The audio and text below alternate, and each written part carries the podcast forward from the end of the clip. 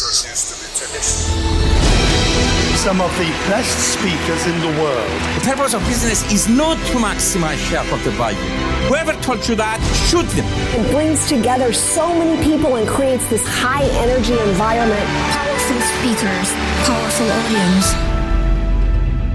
Velkommen til OBF-podden, og vi skal starte det nye året. Riktignok har det gått noen uker og måneder allerede, med den samme gjesten som vi hadde i fjor. Og det er sjeføkonom Harald Magnus Andreassen, som har kommet hit for å prate litt om 2022. Men la oss prate om 2021, for velkommen tilbake, Harald. Tusen takk for invitasjonen tilbake. Da sa jeg vel at pandemien var i ferd med å gå over. Det gjorde du. Men det var vel i mars eller rundt der, så knapt år siden. Mm. Og det var ikke helt riktig. Eh, Vi fikk jo både delta og nå til slutt omikron. Eh, Men heldigvis, de økonomiske prognosene var ganske gode likevel. For jeg sa at økonomien, når vi åpnet opp, og det var klart at vi ville da, ganske snart, så ville aktiviteten ta seg bra opp der den fortsatt var nede. Storparten av økonomien var jo godt tilbake. Eh, Og vi så et veldig oppsving i hotell, restaurant, i reise, kultur. eh, Alle de tingene som ikke kunne operere når vi hadde pandemien gående. Eh, Og vi har hatt en liten knekk nå med Delta, rakk ikke å ta oss ned egentlig. Omikron har tatt oss litt ned, men det er så lite at vi ser det nesten ikke på tallene. Arbeidsledigheten har ikke steget. Det er samme nå, det var det samme i januar som det var i november, og den er lav. Eh, Og når vi nå åpner opp, og får vi håpe at det ikke kommer en ny variant med en ny gresk bokstav, som iallfall ikke er verre smitt, sånn sykdomsmessig enn det omikron var, som ikke var noe spesielt farlig helsemessig. Eh, unngår vi et nytt, mye farligere virus, så er måte pandemien bak oss, og økonomien er tilbake i full spiker. Og vel så det. Hvis vi zoomer Ja. litt ut, Harald, og ser på sammenligningen i 2021 med en litt lengre perspektiv, så har det vært et fantastisk år. Ja, altså du, kan si at det var ikke så mye, skal ikke mye til å vokse mye når det startet vi lavt. Vi hadde noen pause da, i, på vårparten 20. Eh, men alt i alt, vi går ut av 2021 med lavere ledighet enn normalt, med et veldig mangel på arbeidskraft i mange næringer.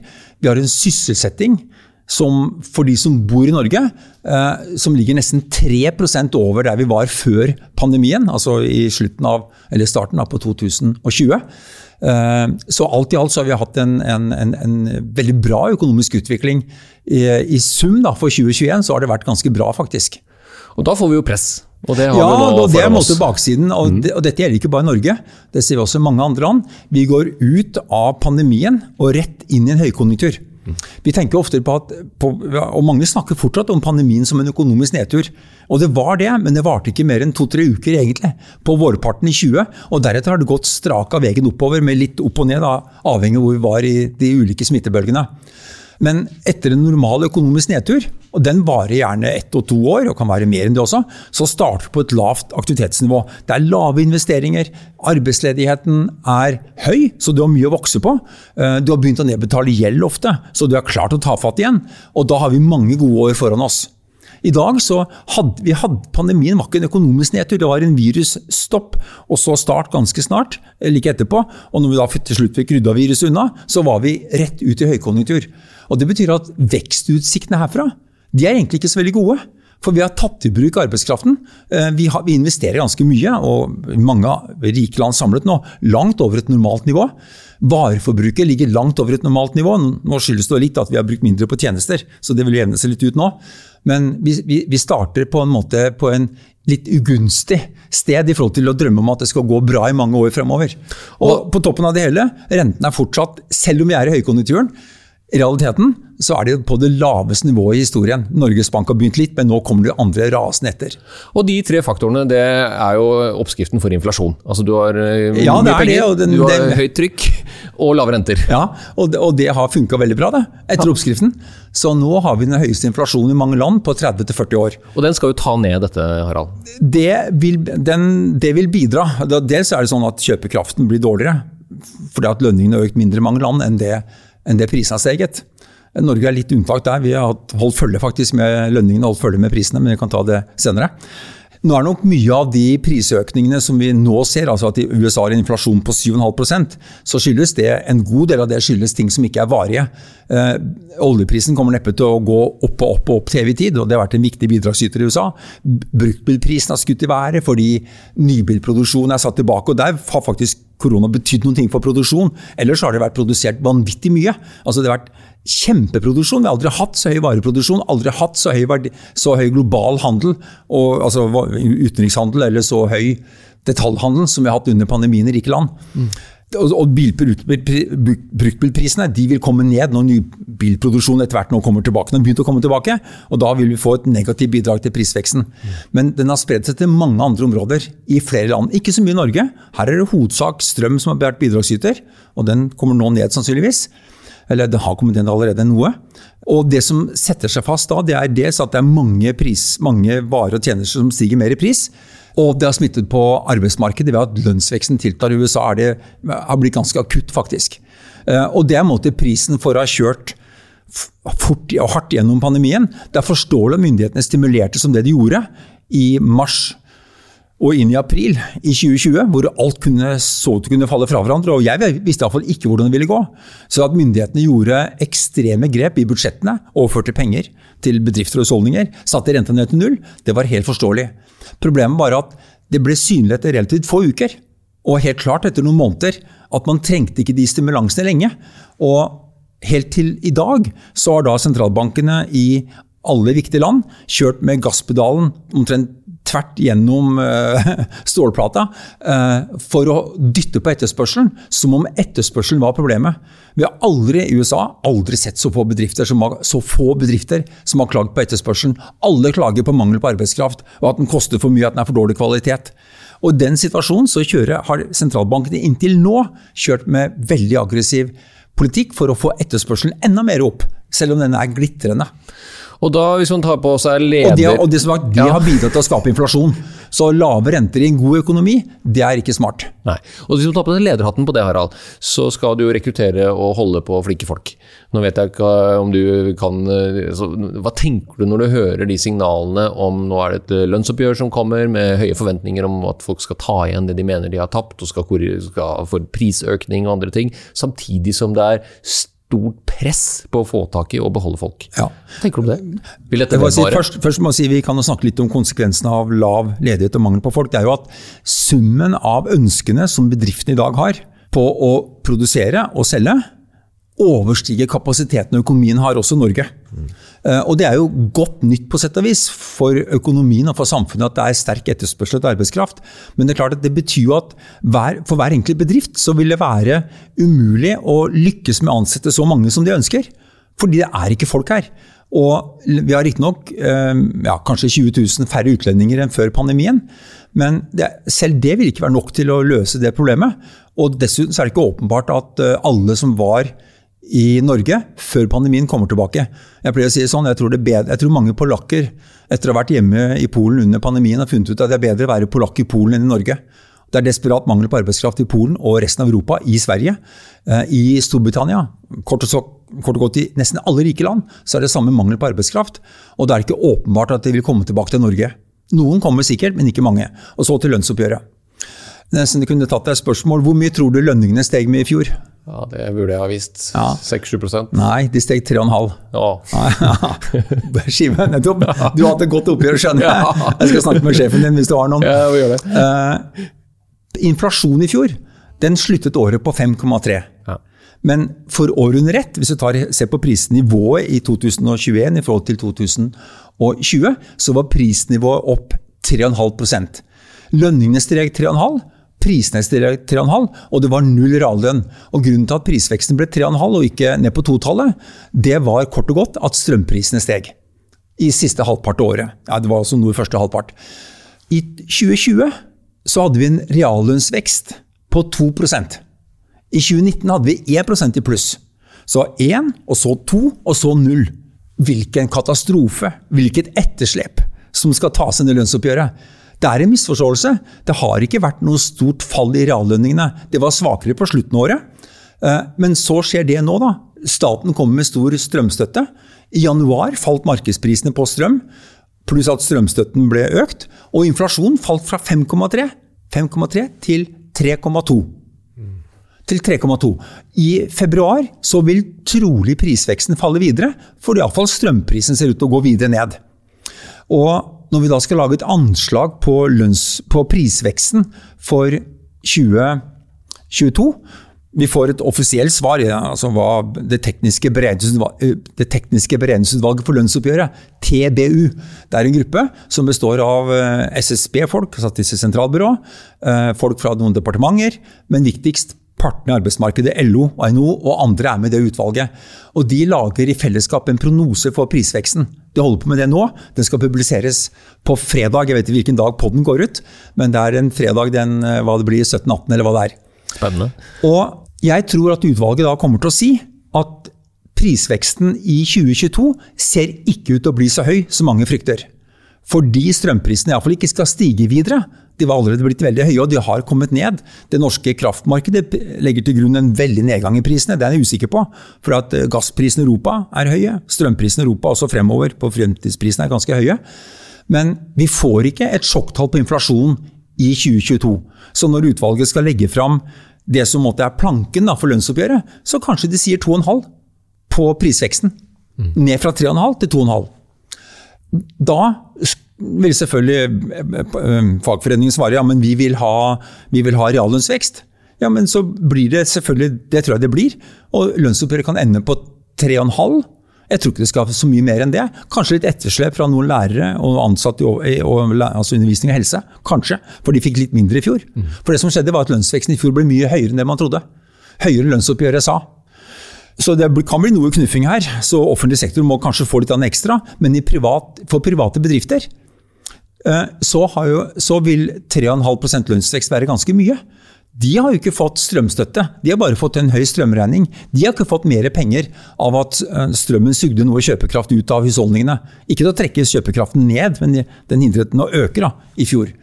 Så jeg tror at arbeidsgiverne vil ganske, ha ganske god kort på hånda. Det blir ikke høy prisvekst i 2022.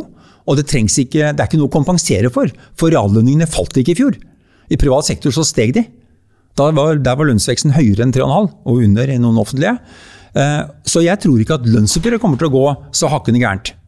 Men saken er at når det nå er massiv mangel på arbeidskraft, og ledigheten er svært lav, så er det noe annet som skjer. Mm. Og det er jo at, eh, at eh, bedriftene vil selv, på egen hånd, lokalt, begynne å skru litt på lønningene for å få tak i folk, og for å beholde folk, så de ikke slutter å gå til nabobedriften. Og det førte til at lønnsveksten, hvis den skal bli avtalt på 3,5, så tipper jeg den kommer godt opp på firetallet før året er omme. Og Da begynner det å bli sånn på kanten at lønnsveksten blir litt i høyeste laget for bedriftene. I forhold til hva Norges Bank ser på inflasjon. Og vi skal ikke gå langt mange år tilbake i Norge før vi hadde et arbeidsmarked som var stramt, og som ga lønnsvekstrater på 5 pluss-tallet. Og Det er ikke forenlig med 2% inflasjon. Nei, vi er jo der nå. Ja, jo... altså, vi, altså, hvis, vi ikke arbeidsmarkedet, hvis ikke det skjer noe som demper etterspørselen til arbeidskraft, og som måtte få ledigheten opp, da iallfall roer arbeidsgiverne ned, så vil lønnsveksten i Norge bli for høy. Ikke fordi at lønnsoppgjøret i år går gærent, men fordi at arbeidsmarkedet fungerer. Ja. Også ved siden av lønnsoppgjørene. For det er jo som du sier, det er jo et kapasitetstak. Ja, det er det, og vi er nok ganske nær det nå. og Norge eh, har vært sammen med europeiske land, så har vi klart å beholde folk i arbeid under pandemien i stor grad. Og faktisk når, når, vi gikk ut av pandemien, fra fjor, altså fjor vår, da, så kom det mange flere nye inn på arbeidsmarkedet. Så som, målt som andel av befolkningen, som er i arbeidsfør alder, så ligger vi nå langt over der vi kom fra før pandemien i yrkesdeltakelse. Mm. Eh, og så har da sysselsettingen steget enda mer. Og Dermed så har ledigheten falt som en stein også på den såkalte arbeidskraftundersøkelsen, som har disse tallene. Eh, og Det indikerer nok nå at vi, er, at vi har strukket strikken ganske langt. Jeg håper at det er feil. Jeg håper at det nå kommer en ny bølge med arbeidstakere, at flere melder seg på arbeidsmarkedet. Men siden i fjor sommer, altså sommeren 21, så har det ikke vært noe særlig økning i arbeidstilbudet. Det har bare vært sysselsettingen som har steget videre, og dermed ledigheten har gått loddrett ned. Mm. Og den steg for øvrig heller ikke noe gjennom, gjennom omikronbølgen. Den, den er like lav, like lav i januar som jeg sa, som den var i, i eh, november. Når du ser på høykonjunktur og litt historikk, hvor lenge varer en høykonjunktur? Ja, så Problemet er at en normalt, en oppgangskonjunktur den kan vare en tre-fire år. Ja. Uh, av og til varer lenger også, hvis du starter langt nok nede og du har nok trøbbel med å komme i gang, som etter finanskrisen, for det var så mange som skulle betale gjeld og sånne ting. Ikke Norge, da, for vi bare fortsatte å låne, men resten av verden nedbetalte. Stort sett de fleste. Uh, og da hadde vi ni år med opptur. Problemet er at det som normalt da tar en, ja, fire, og i beste fall da dobbelt så lenge, det gjelder ikke i dag. For vi starter ikke der nede, vi starter der oppe. Vi har høye investeringer, svært lav arbeidsledighet, høye aksjemarkeder, som det alltid er når går, økonomien går bra. Og Det betyr at hvor lang tid nå vi kan måtte holde disse vekstratene oppe, holde det spennet i økonomien, ja, det er trolig ikke snakk om så veldig mange kvartalene. Uh, og her er jo det at vi, vi ser nå at sentralbankene, i, særlig nå i USA, og Storbritannia har gitt klare signaler. Og når de kom ut på høstparten i fjor, så har jeg altså fått en massiv revurdering av renteutsiktene. Vi har aldri sett noe, jeg har ikke sett noe sånt før, tror jeg. På at eh, markedet legger på økning på økning på økning, og sentralbanksjefene står og klapper og sier at det er riktig, det er riktig, renta må mer opp. Fordi de har kjørt med for lav rente for lenge og har kommet på etterskudd og er redd for at inflasjonen begynner å bite seg fast ordentlig via lønnsdannelsen. og Da får vi det å kalle sånn pris-lønnsspiral. Jeg tror ikke at vi kommer inn der. Men prisen, kostnaden for å ikke gå inn der, det er jo at økonomien må roes ned. At arbeidsgiverne må bli mindre hissige på å ansette folk. Og for å få det til, ja, så må jo da etterspørselen etter det bedriftene selger, komme ned. Og hvordan får du til det? Ja, Pengepolitikk det er å sette opp rentene, så folk har mindre råd til å gå i butikkene. Så det, virker ikke, altså det er ikke nok å snakke om at inflasjonen skal bekjempes, at sentralbankene nå har tatt jobben. Jobben er ikke gjort før atferden i befolkningen, i bedriftene, er endret. Og når det skjer, så er det, det er det vi kaller økonomiske nedgangstider. Og Hvis de er flinke, så får du bare dempet oss litt ned, men veldig ofte så går det tvert gjennom. Ja. Kniven går rett gjennom, og du kommer på nedsiden. Du klarer ikke å stoppe det, den kniven i fallet. Det kan det hende at du klarer nå, eh, men det er ikke sånn nå at vi har lang tid på oss med en måte, normal oppgangskonjunktur. Fordi vi da starter i og for seg, altså Hvis jeg, skulle, hvis jeg fikk valget, da Harald Magnus, du har valget, du kan få lov til å velge for hele verden og for Norge. Det er selvfølgelig spesielt å få det valget, men um, at pandemien hadde slått oss fullstendig ut og vi lå i grøfta i dag, etter at eh, mange hadde dødd og sykehusene hadde vært fylt opp og det hadde vært et helvete. Eller at pandemien ja, den var brysom, men vi kom fort gjennom det. Og på varer er vi en skikk, kom ut i en skikkelig høykonjunktur, og tjenester kommer fort tilbake. Så det var ikke mange, ledigheten er lavere enn normalt i de fleste land. Veldig mangel på arbeidskraft. Hvilke av de to scenarioene vil du ha, Magnus? Nei, jeg tror jeg velger det siste. Ja. At vi ikke gikk ned i en skikkelig grøft og, aldri, og, og, og var der nede i to-tre år før vi kom tilbake igjen. Vi er tilbake, men det betyr også da at utsiktene etterpå ja, dessverre. Jeg er ikke optimist på konjunkturene i en høykonjunktur. Jeg er ikke optimist på aksjemarkedene etter at det har steget mye i en høykonjunktur. Og denne gangen her, i tillegg med en høykonjunktur uten renter. Uten noen alternativ måte å sette penger på enn å ha dem i aksjer, om du vil. There is no alternative. Tina, som de kaller det på godt norsk eller godt engelsk. Vi har aldri sett det før. At vi har hatt så lave renter mens økonomien har vært så sprek og folk har hatt god tro på fremtiden som gjennom pandemien. Og det gapet mellom renter, og da snakker jeg særlig om realrente for de som er inne i begrepene. Inflasjonsforventningene har trukket rentene opp, men ikke faretruende mye. Så det er akkurat som en at det går. Men det er to komponenter på renter. Det er en realrente og det er en forventet inflasjon. Den forventede inflasjonen har steget. Og så har realrentene falt fra et lavt nivå før pandemien, mm, lavere enn normalt, og jeg tror også egentlig for lavt allerede, til et nivå som vi aldri har sett maken til før. Nå har de rentene kommet god opp i løpet av de siste ukene og månedene, men de er fortsatt kjempelave og negative. Så vi har fortsatt forventede negative realrenter i mange år fremover. I en økonomi som er i, i, er i slaget, for å si det mildt. Og det spørs om det er holdbart i land hvor folk har nedbetalt mye gjeld. I USA, i Storbritannia, Nederland, Danmark og mange, mange andre land så har gjeldsgraden gått mye ned etter finanskrisen. Men nå begynner gjelda å peke oppover. Fordi folk ikke er redde. De får lav rente, men de er ikke redde. De tror verden kommer til å gå bra, og da låner de mer. Og I USA har boligprisene steget med 30% gjennom pandemien. I Norge bare 15 Og Grunnen til at det ikke har gått måtte, villere for seg her, det er nok det er to ting. Det ene er at veldig mange hadde lånt mye på forhånd. Så så, alle er ikke så sugne på gjeld. Det er det ene. Og det andre er at vi har satt opp et, et, et jeg kaller det et fuglebur rundt låntakerne. De får ikke lov til å låne mer enn femgangeren mot inntekt og 85% av boligens verdi. Hadde vi tatt bort de sperrene, så hadde mange flere lånt mer. Altså helt åpenbart når du ser på fordelingen av lån. Det stopper opp på, fire, på femgangeren. Det stopper opp på 85, og det er veldig få som kommer gjennom det jeg kaller det fugleburet. Den grafen er fryktelig fin, Finanstilsynet som har laget den. Eh, og da hadde vi hatt en, en gjeldsutvikling som har gått fullstendig over stag i Norge, fordi at rentene har vært langt lavere enn det som skal balansere husholdningene, iallfall. Men nå er andre land i samme situasjon. De har ikke de reguleringene på utlånet. Eh, heldigvis har de nedbetalt mye gjeld, så der er det ikke så farlig om gjelden stiger. Men det viser at lave renter i en sunn og god økonomi og i den grad vi kan kalle at vi har en sunn økonomi nå i, i, i USA, Storbritannia og andre land, ja, så er det sannsynligvis sånn at en lav rente ikke stabiliserer. Og du får problemer med overoppheting av økonomien. For lav ledighet, for høy inflasjon, for høye bolig- og uh, aksjekurser. Boligpriser og aksjekurser, som måtte gjøre økonomien ustabil. Og etterpå så går det ordentlig gærent. Hvis dette fortsetter for lenge, så kommer oppgjørets time, og jo lengre det går oppover, jo dypere er det ned igjen. Og jo flere mister jobben etterpå. Så det er mye bedre å da holde tilbake på oppturene, når du skjønner at du har dratt ut de folka som du kan trekke ut, og de som ønsker å jobbe, faktisk har jobb. Så er det mye bedre å kjøle det ned prøve å holde det der for å kunne suge lengre på dropset, i stedet for å la måtte, champagnen sprute til bakrussen kommer med en smell, og du går på en ordentlig nedtur etterpå. Men er det ikke sånn at optimisme fører til enda mer optimisme? Altså, jo, det er, det, sant, og det er helt naturlig. Sånn. Går det bra, så blir folk positive. Ja. bankene taper ikke penger, og de kan, de kan gi mer lån. Eh, folk eh, ser at det er behov for varer og tjenester. Og nå er vi i en situasjon hvor det er forståelig at bedriftene er optimistiske. for Det de eneste de sliter med nå, det er at de får ikke tak i folk. Og, de, og, det de kjøper inn for andre bedrifter, er blitt dyrt. Og det tar litt tid å få det av og til. Men det er jo en bra verden å selge ting i.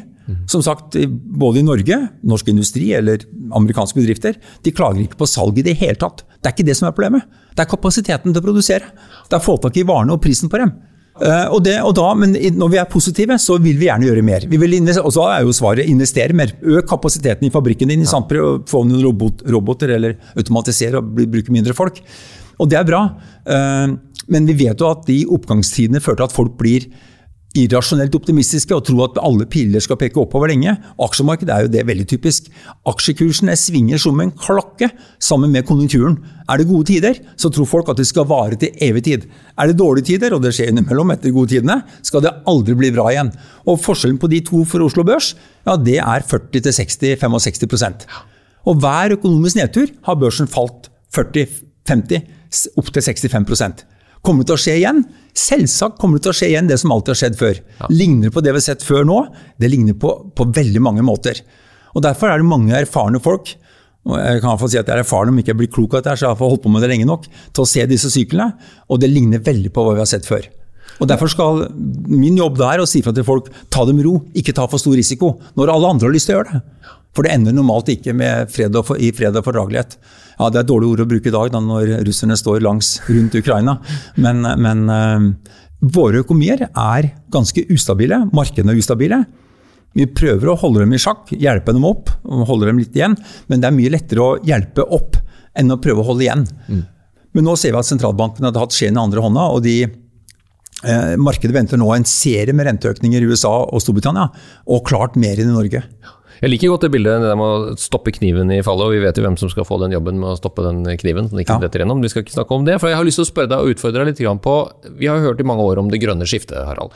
Og vi ser nå oljepriser og gasspriser som ikke ligner noen ting. Det er jo, det er jo historiske priser snart. Bikker snart 100 dollar. Eh, ja, vi har hatt, verre, hatt det verre før. Altså, det er inflasjon, men det er høy nå. Oljeprisen er høy nå. Ja, og, det, ja. Og, og, ikke minst så har jo Og gassprisen har gått fullstendig bananas. Ikke sant? Og disse virksomhetene fikk jo i tillegg en veldig lukrativ eh, støttepakke fra myndighetene.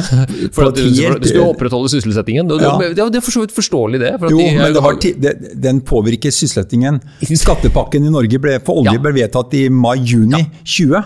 Uh, den får effekt på aktiviteten på sokkelen i 23, 24, ja. 25, 26. Ja, og 50 år til. Lenge etter pandemien er over. La oss ikke snakke om, det. Ikke snakke om den. Nei, det det er som Men det som, er det, det som er så urovekkende, er at vi alle vet at vi har forpliktet oss til uh, ikke bare EU, men resten av verden og det som uh, statsministeren kaller barnebarna sine. Han har sett i øya og sagt at han skal gjøre det han kan. Jeg kommer til å minne ham på det hvis jeg møter han. Hva skjer nå? Altså, når, når vi tjener så mye penger på denne produksjonen av det som åpenbart er fossil energi, når er det vi skal ta det der leap of faith i den bransjen her? Ja, altså du kan si at Det som har skjedd, er jo at oljeinvesteringene Dels fordi vi hadde en smell på oljeprisen 2014-2017, så oljeprisen falt mye. Pluss fokus på det grønne skiftet og investorene som ikke ønsket å investere i fossil produksjon. Så aksjekursene ble veldig dårlige på oljeselskapene, og eierne krevde å få kontanter ut heller mer investeringer.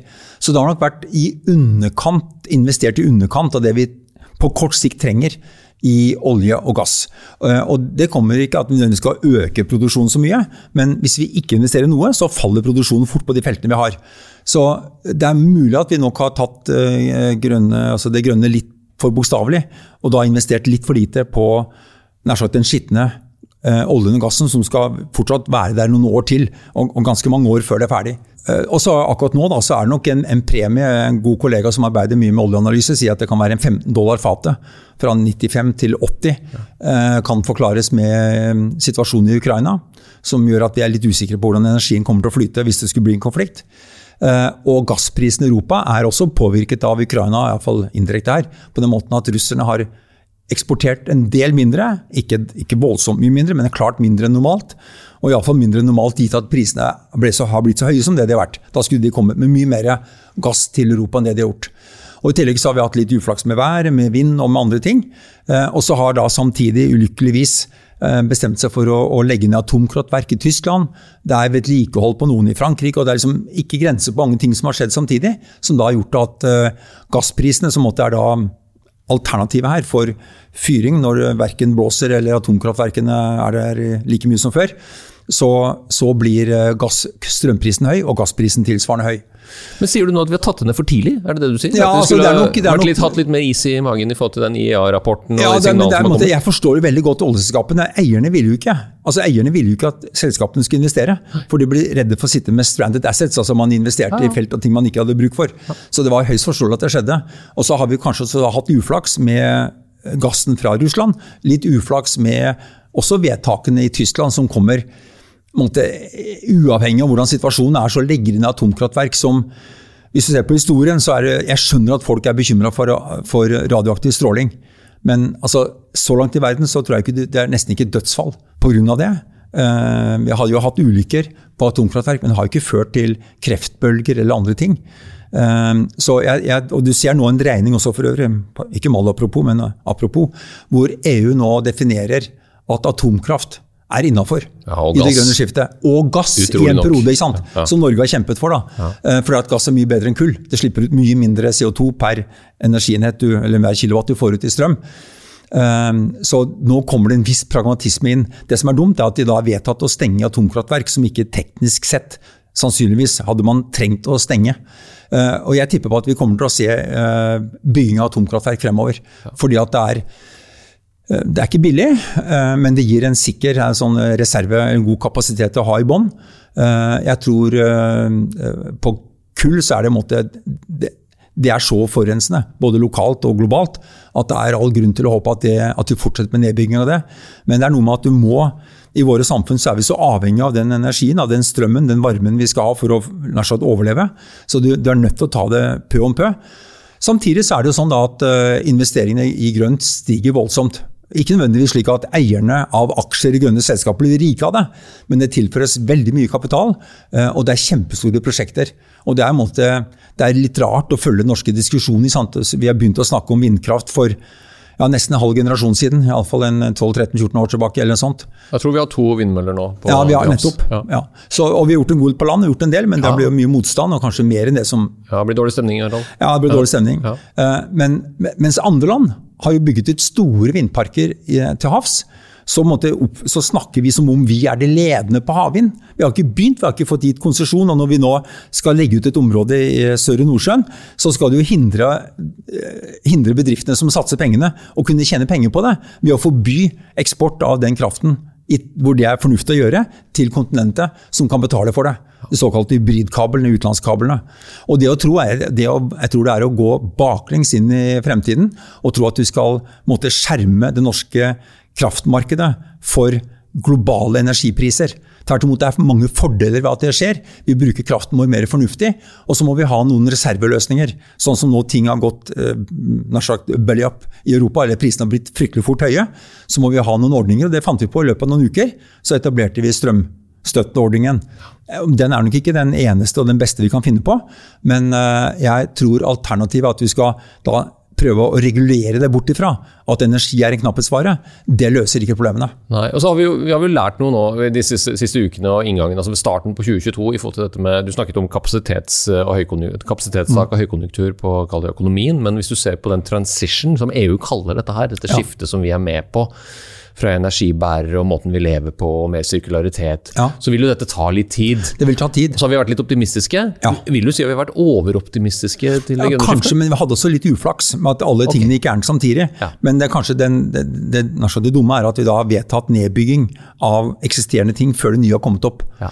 Eh, Så en men- sånn imperfeksjonisme Ja, det er det, sant, ja. i, etterspørsel og tilbud her? Ja, jeg vil si om det er uflaks eller om det er dårlig håndtering. Jeg tror det er begge deler. Men det er nok et godt innslag av dårlig håndtering. At det ble for optimistisk på hvor fort vi skulle trappe ned bruken av de gamle eh, energikildene våre.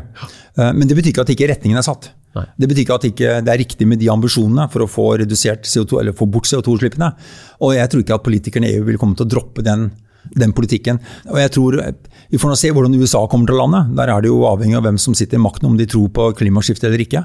Eh, Men jeg tror eh, bedriftene i USA har tatt beslutningen allerede. Ja, ja. Kapitalistene har tatt beslutningen, de ser det. Avhengig, uavhengig om du får en president som sier at det ikke, nei, det er ikke noe klimaskifte. De tilpasser seg som om det blir. Eh, Og det er en prosess som, som er irreversibel. Så jeg er ganske positiv til at teknologien vil rulle frem. Eh, Og at vi får kontroll på utslippene. Og jeg ser for eksempel, Vi kan jo se hvordan vi, hvordan vi skal samarbeide med Kina i denne verden. men eh, Kineserne har jo nå øker kapasiteten på å produsere solceller på en helt utrolig måte.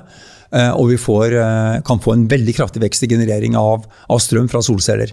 Og så er det mye til. av Batterier og det er mange andre ting som Og vi må ha noe backup-løsninger når det ikke blåser og alt det der, og ikke sola skinner.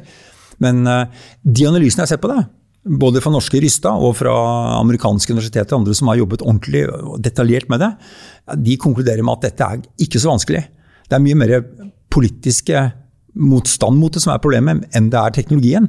Og kostnadene er ikke spesielt høy, Det er ikke høyere, det er lavere eh, enn det vi normalt har brukt på den gamle teknologien. Så blir ikke kostnadene ved den nye teknologien høyere.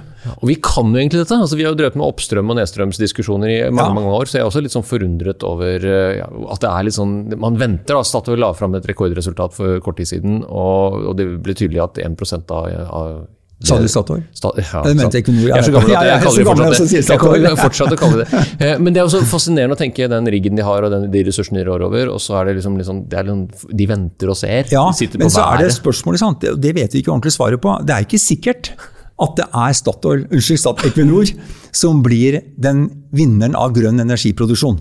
Det kan godt tenkes at det er mange andre selskaper som er bedre egnet for det.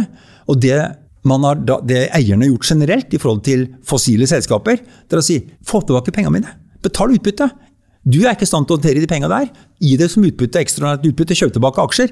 Så får eierne, og her er mye norsk stat, men også mange andre eiere, de kan gå til selskaper som er de beste, som de tror er de beste, til å håndtere grønne skiftet.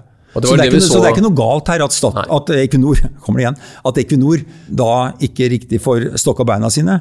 Eh, Og du vet også for øvrig at hvis de skal investere nå, så er det, det er mange om, som ønsker å investere grønt. Så det er blitt så dyrt. Så det er ikke sikkert at de har lyst til å søle bort pengene sine og alle andre skal gjøre det samtidig. Men det som da skjer, det er jo at det blir mange flere tilbydere av grønn produksjon. Så det kommer flere prosjekter. Og Derfor er det litt sånn håpløst å se på hvor sendrektig Norge har vært med å få regulert arealer til havproduksjon av, eh, av strøm. Nå gjør du noe nå som er halvveis, og knapt nok det. Eh, Og så sier jo da Støre sier at det skal komme utenlandskabler neste gang, når vi tar det andre feltet der nede. Men du skulle selvfølgelig tatt begge feltene og, og, og latt det bli en fornuftig økonomisk prosjekt. Og, og eh, Da tror jeg ikke det å stenge grensene for strøm inn og ut er fremtidsløsning for Norge. Ikke, det er ikke snakk om. Nei, takk Harald. Og et helt håpløst spørsmål til slutt. Er det, hvor, hvor optimistisk er du for 2022? Ja, optimist på den måten at vi får en gjenåpningsglede. Eh, Vi er midt oppe i det nå. Ja. Eh, Alle som jobber innenfor tjenestenæringene som har vært stengt ned, kommer tilbake på jobb, eller er tilbake på jobb nå, vil jeg tro. Det er flott. Og turistnæringen kommer tilbake, flytrafikken kommer tilbake. Glem nå klimaeffekten av det. Eh, Men denne festen her, den varer ikke så lenge, det er problemet. Fordi vi nettopp går ut av det vi omtaler som en nedtur, som i realiteten ikke har vært det. Vi, er, vi starter den siste vippen på oppturen fra et veldig høyt aktivitetsnivå. Og det varer ikke så lenge. Og så kommer renten opp, både her og der. Så følg med, spenn fast eh, sikkerhetsbeltene, er det ikke det det heter? Og så er det utrolig spennende å høre på deg, Harald. Tusen takk for eh, analyser og, og kommentarer på, på stående fot her. Hyggelig å være her igjen. Jeg gleder meg til å prate med deg til neste år, om ikke før. Jeg tar imot invitasjonen nå allerede. Ja. Ja, takk skal du ha, Harald. Takk for nå. Hvis du likte denne podkasten, hadde vi satt utrolig stor pris på om du abonnerte og gir oss en tilbakemelding i avspilleren. Some of the best speakers in the world. The purpose of business is not to maximize shareholder value. Whoever told you that, shoot them. It brings together so many people and creates this high energy environment. Powerful speakers, powerful audience.